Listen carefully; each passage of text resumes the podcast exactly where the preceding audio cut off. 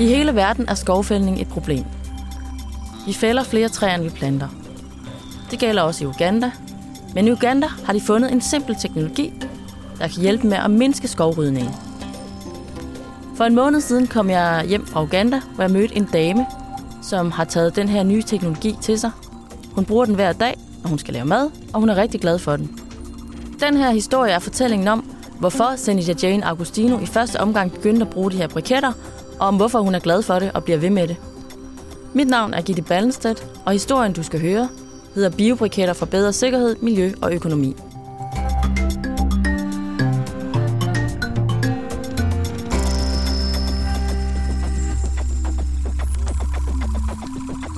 December 2017 skete der noget, som skræmte Senja Jane Agostino fra vid og sans.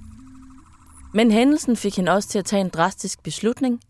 En beslutning, der samtidig blev starten på en drøm om at leve sit liv på en anden måde.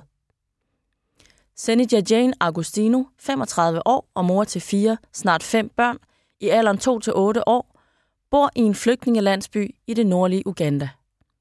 Hun kommer oprindeligt fra Sydsudan hvor borgerkrig har herret de seneste mange år. Siden den 5. december 2016 har hun boet med sin familie, mand, børn og en bror i Bidibidi-området i Jumpe-distriktet, hvor der bor mere end 270.000 flygtninge fra Sydsudan.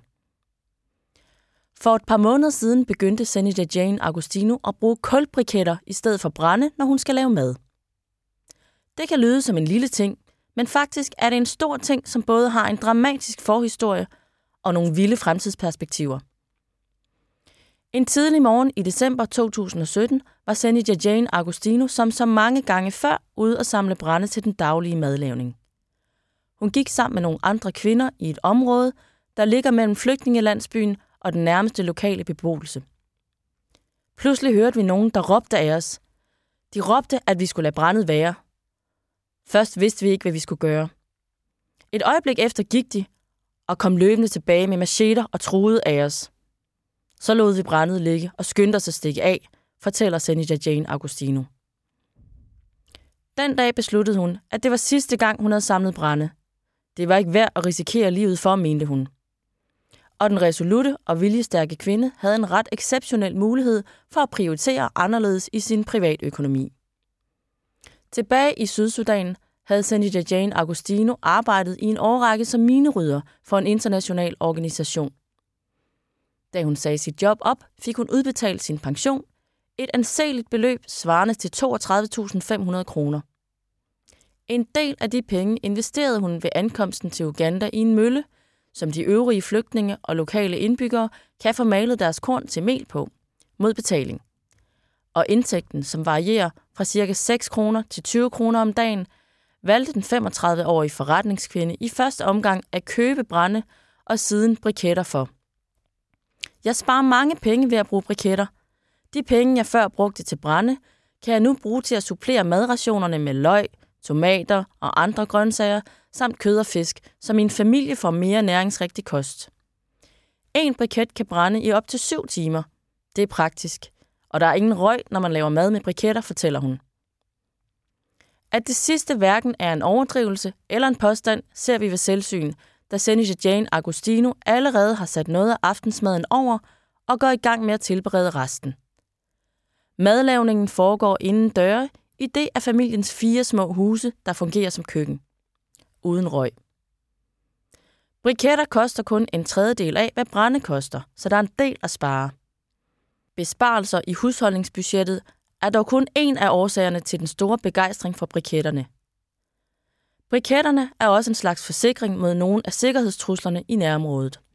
Nu undgår man de mulige sammenstød og trusler på livet i kampen om områdets ressourcer. Men Senator Jane Agostino ser endnu flere fordele ved det nye alternativ. Ved at bruge mindre brænde mindsker man skovrydning. Det er et stort problem her, for jo mere skov vi fælder, jo dårligere er det for klimaet.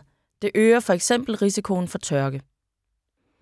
Ugandas skovdække er faldet fra 50 procent af landets samlede areal i starten af 1930'erne til under 8 procent i slutningen af 2017.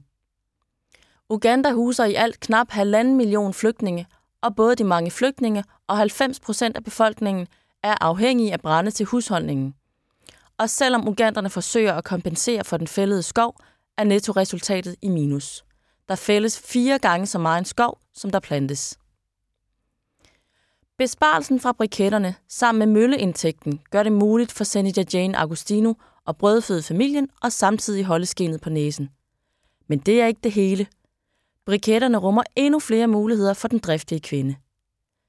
I de kommende måneder lærer Folkekirkens Nødhjælps lokale partner Raising Gap The Foundation grupper af flygtninge som Senator Jane Agostino om produktion, salg og markedsføring og senere distribution af briketterne – de fremstilles af husholdningsaffald som stængler, kolber, skaller osv.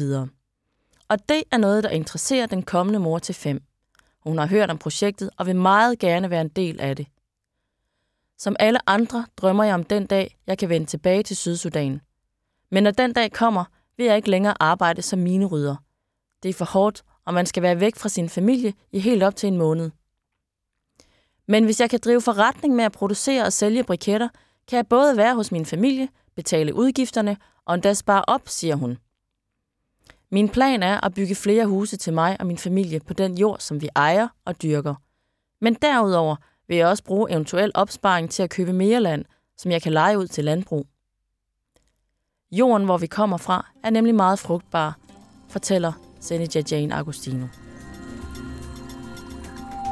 Om kort tid skal hun selv lære at lave briketter. Og det er faktisk ret simpelt. Det er en nem måde at genanvende sit køkkenaffald på. Og køkkenaffald vil altså sige blade, stængler, kolber, skaller. Når man skal lave briketter, så skal man tørre køkkenaffaldet her i cirka en uge. Og bagefter så brænder man det af, indtil det bliver til en slags kul. Når man har afkølet de brændte plantedele, så skal de pulveriseres. Det kan man gøre i hånden, eller man kan putte det i en slags morter.